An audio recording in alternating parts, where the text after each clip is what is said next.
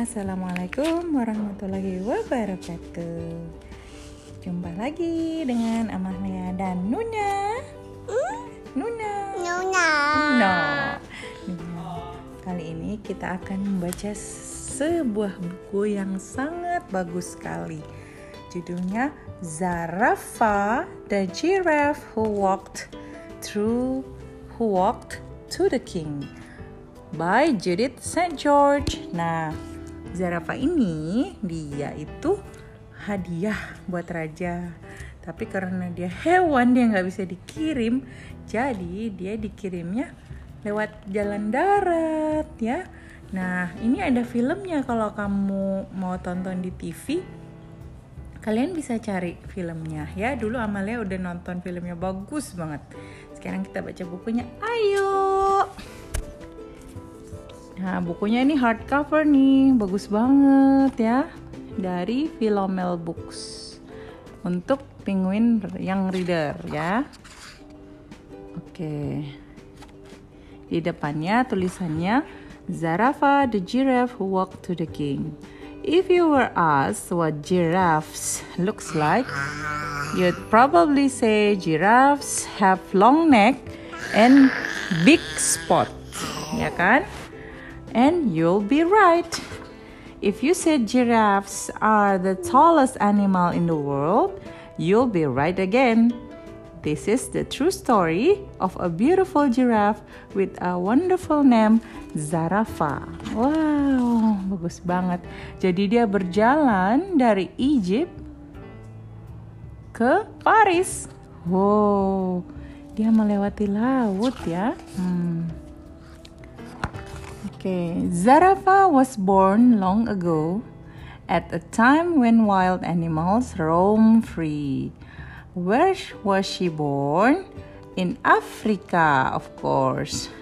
When Zarafa was two months old, she was caught, carried by camel to small African village. But she didn't fuss. Even as a baby, Zarafa was gentle and quiet. Oh, dia dibawa ke village di Afrika. Egypt's ruler planned to give a king to give a gift to the king of France. He wanted he wanted the two countries to be good friends. Zarafa was the gift. But Zarafa was too young to travel too far off France. So she lived in the small African village, growing bigger and bigger on camel's milk. The villagers were good to Zarafa. They fed her and took her for walks and treated her like a princess. Zarafa was happy. Nah, dia karena masih kecil nggak boleh berjalan sendiri ya. Jadi dia digedein dulu di desa Afrika. Nah, before long, she was big enough to travel, but she had to go all the way to Alexandria in Egypt much too far away to walk. Zarafa would have to sail down the Nile River in a creaky boat called a felucca. How sad the villagers were to see Zarafa go. Hmm. Zarafa needed milk on the trip. Lots of milk. Hurry, find three milk cow. Oh, di dalam boat mereka bawa sapi juga yang punya milk. Ma, supaya Zarapa bisa minum ya. The sailor brought monkey on board the felucca. The noisy funny monkey Ma, climb up Zarafa neck and tease her. Ma, with Zarafa, her two helpers, and three cow, the sailor and the monkey, the felucca was crowded Feluka itu perahunya ya. Not once did gentle Zarafa complain. Wah, Zarafa baik sekali karena dia princess ya. Sometimes Zarafa helpers walked her along the banks of the Nile River. She liked that. After all, she was still growing and stretching her long legs feel, felt good.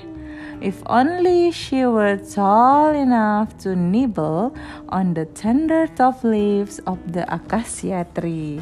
Oh ya, dia kan makannya pohonnya tinggi-tinggi tuh di acacia tree yang suka di Afrika itu ya. Nah, terus dia sudah sampai nih di Alexandria. Wow, banyak sekali orang yang menontonnya penuh di lapangannya. Uh, Zarapa finally reached Alexandria. The ruler palace yard was her new home. And the ruler came to love her. The people of Alexandria loved her too. But Sarafa was a gift to the king of France. She couldn't stay long, so she had to sail to France across the Mediterranean Sea in a ship with giant sails. She didn't mind setting sails again. She was as gentle and good as ever. Jerapahnya cantik sekali. Wah, ternyata caranya Iya, badannya Zarapah ditaruh di kapal paling bawah. Terus necknya, uh, decknya dilubangin supaya necknya bisa keluar di deck gitu. Jadi bisa tinggi, dia tidak terlipat ya. Zarapa new helper Hasan and Atir led her up the ship's gangplank. Three milk cows came too. At least the funny noisy monkey were left behind. Hasan and Atir loved Zarapa with her beautiful brown eyes and long curly eyelashes. They cut a hole in the deck so that she could stand with her neck and head above deck and see the whole world. To keep out the sun and the rain, Hasan and Atir raised a tent over her head. Itu biar dia nggak kepanasan ya. Dia ditaruhin ada payung ya. Zarafa watch the sailor. Ini di kapal ya, ada moon, udah malam. Zarafa watch the sailor pull ropes and move sails. At night, she followed the path of the moon, rising over the sparkling sea. Did the rolling ship make Zarafa seasick? Not at all. Dia nggak sisik. She was a good sailor. One of the cows wasn't so lucky. Oh, satu sapinya sisik, muntah. Ah, oh. When the ship landed in Marseille, France, the sailors bid goodbye to Zarafa. But Marseille was cold and rainy. Zarafa couldn't travel in such awful weather. She'd always live where it was hot and dry. She spent the dreary winter in a stable, but she didn't mind. For one thing, Zarapa had grown to love Hasan and Atir. She licked their faces. She loved the milk cows too. Wah, sudah sampai di Prancis tapi baru sampai di Marseille. When the sky turned fair, they all walked through the street of Marseille. Wah, penuh sekali orang-orang nonton Jarafa ya. Nuna, Jarafanya jalan, marching ke depan ya. Nih, they all walked through the street of Marseille. The cow marched first. Zarafa happily followed. with Hassan and Atir leading her, the people of Marseille rushed to see Zarafa. Police on horseback were called out to keep her safe.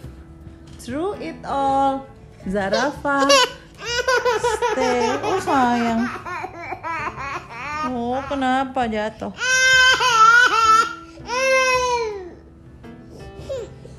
Maaf ya teman-teman, Nunanya jatuh tiba-tiba nih ya. Kita lanjut ya. Nah dia kan sampai di Marseille nih. The people of Marseille rush to see Zarapa. Police on horseback. Oh polisnya di naik kuda. Were called out to keep her safe. Through it all, Zarafa stayed as unruffled as ever. Maybe she knew how much the people of Marseille loved her. And she loved them. Iya ya, dia suka. By the trees and flowers were blossoming, the King of France was waiting in Paris for his gift. Maybe Zarapa would sail to Paris, or maybe she would travel in a cage pulled by horses. No, Zarafa would walk the 550 mile to Paris on her own four feet. Wah, dia jalan loh. Dia nggak di carriage, dia jalan kaki. Her friends Hassan and Atir would walk with her. So would a famous scientist, Geoffroy Saint-Hilaire, who had a raincoat made especially for her in case it rain. Wah, ada saintis yang bikinin dia cape ya supaya dia kalau kehujanan nggak sakit. Mr. Geoffroy carried led the parade to Paris. The cows, Zarafa, Hassan and Atir, and and an antelope in a cage. Another gift to the king are follow dikasih antelope. Antelope itu kayak rusa tapi tanduknya panjang. Ini dia. Azarapa walked through iya. Azarapa walked through village after village shopkeeper housewife farmers and school children all ran out to see the beautiful African through Zarafa never got a chance to take her afternoon nap Semuanya suka sama dia. She didn't seem to mind. She was delighted to make so many friends. Wasn't she a wonder? Iya dia wonder banget ya, gentle. Nah, Zarafa walked two miles an hour and was tired at the end of the day. Capek dia ya. Mr. Geoffroy found her a place to sleep every night. Sometimes it was a stable with high roof. Sometimes the roof was raised so that Zarafa wouldn't bump her head. She was happy either way. But it was a long walk. Zarafa tramped over dusty road, crossed rickety bridges, and climbed steep hills for 41 days. Wow, 41 hari dia berjalan. Was she worn out? Not Zarafa. She was healthier than ever. And look how tall she had grown. Over 12 feet. She could easily reach the tender top leaves of the young birch trees. Wah, dia sudah sangat tinggi ya. Wah, mereka sampai di Paris. Nih, dari kejauhan Zarafa sudah melihat kota Paris dan istana rajanya nih ya. Finally, at last, at long last, Zarafa reached Paris. She had traveled 200 miles by camel. She had sailed 2,000 miles down the Nile River, more than 1,500 miles across the Mediterranean Sea, and walked more than 500 miles from Marseille to Paris on her own four feet. Now she would meet the king. But the king had never seen a giraffe before. Would he like his gift? Wah, dia khawatir nih. Rajanya suka nggak sama dia? Kan rajanya belum pernah lihat jerapah. Wow, gimana nih? Some people are nervous meeting a king. Sarava wasn't. She was like royalty herself. The king of France looked at Zarafa and Zarafa looked at the king. Zarafa put on a show. She walked and trotted and galloped. Her long legs seemed to fly. The king couldn't keep his eye off her. He was enchanted by his charming gift. Ah, kingnya happy banget lihat Zarafa. Wow, the people of France who had never seen a giraffe either, fell in love with Zarafa. Newspapers sang her praises. Street, squares, and inn were named for her. Songs, poems, and plays were written about her. Jewelry, fans, wallpaper, and furniture had Zarafa designs.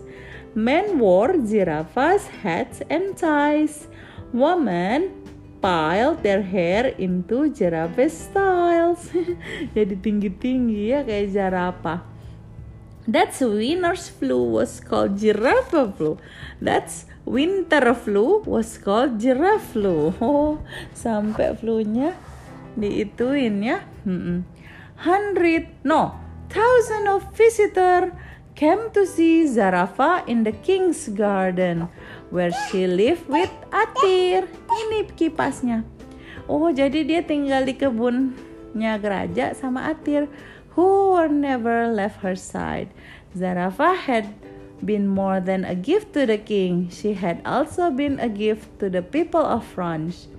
Did Zarafa knows that she was famous? Probably not. What matter it was that all of friends love her and she love all of friends. Nah, ini ada author's note-nya. Jadi Zarafa itu bahasa Arab ya, artinya charming atau the lovely one.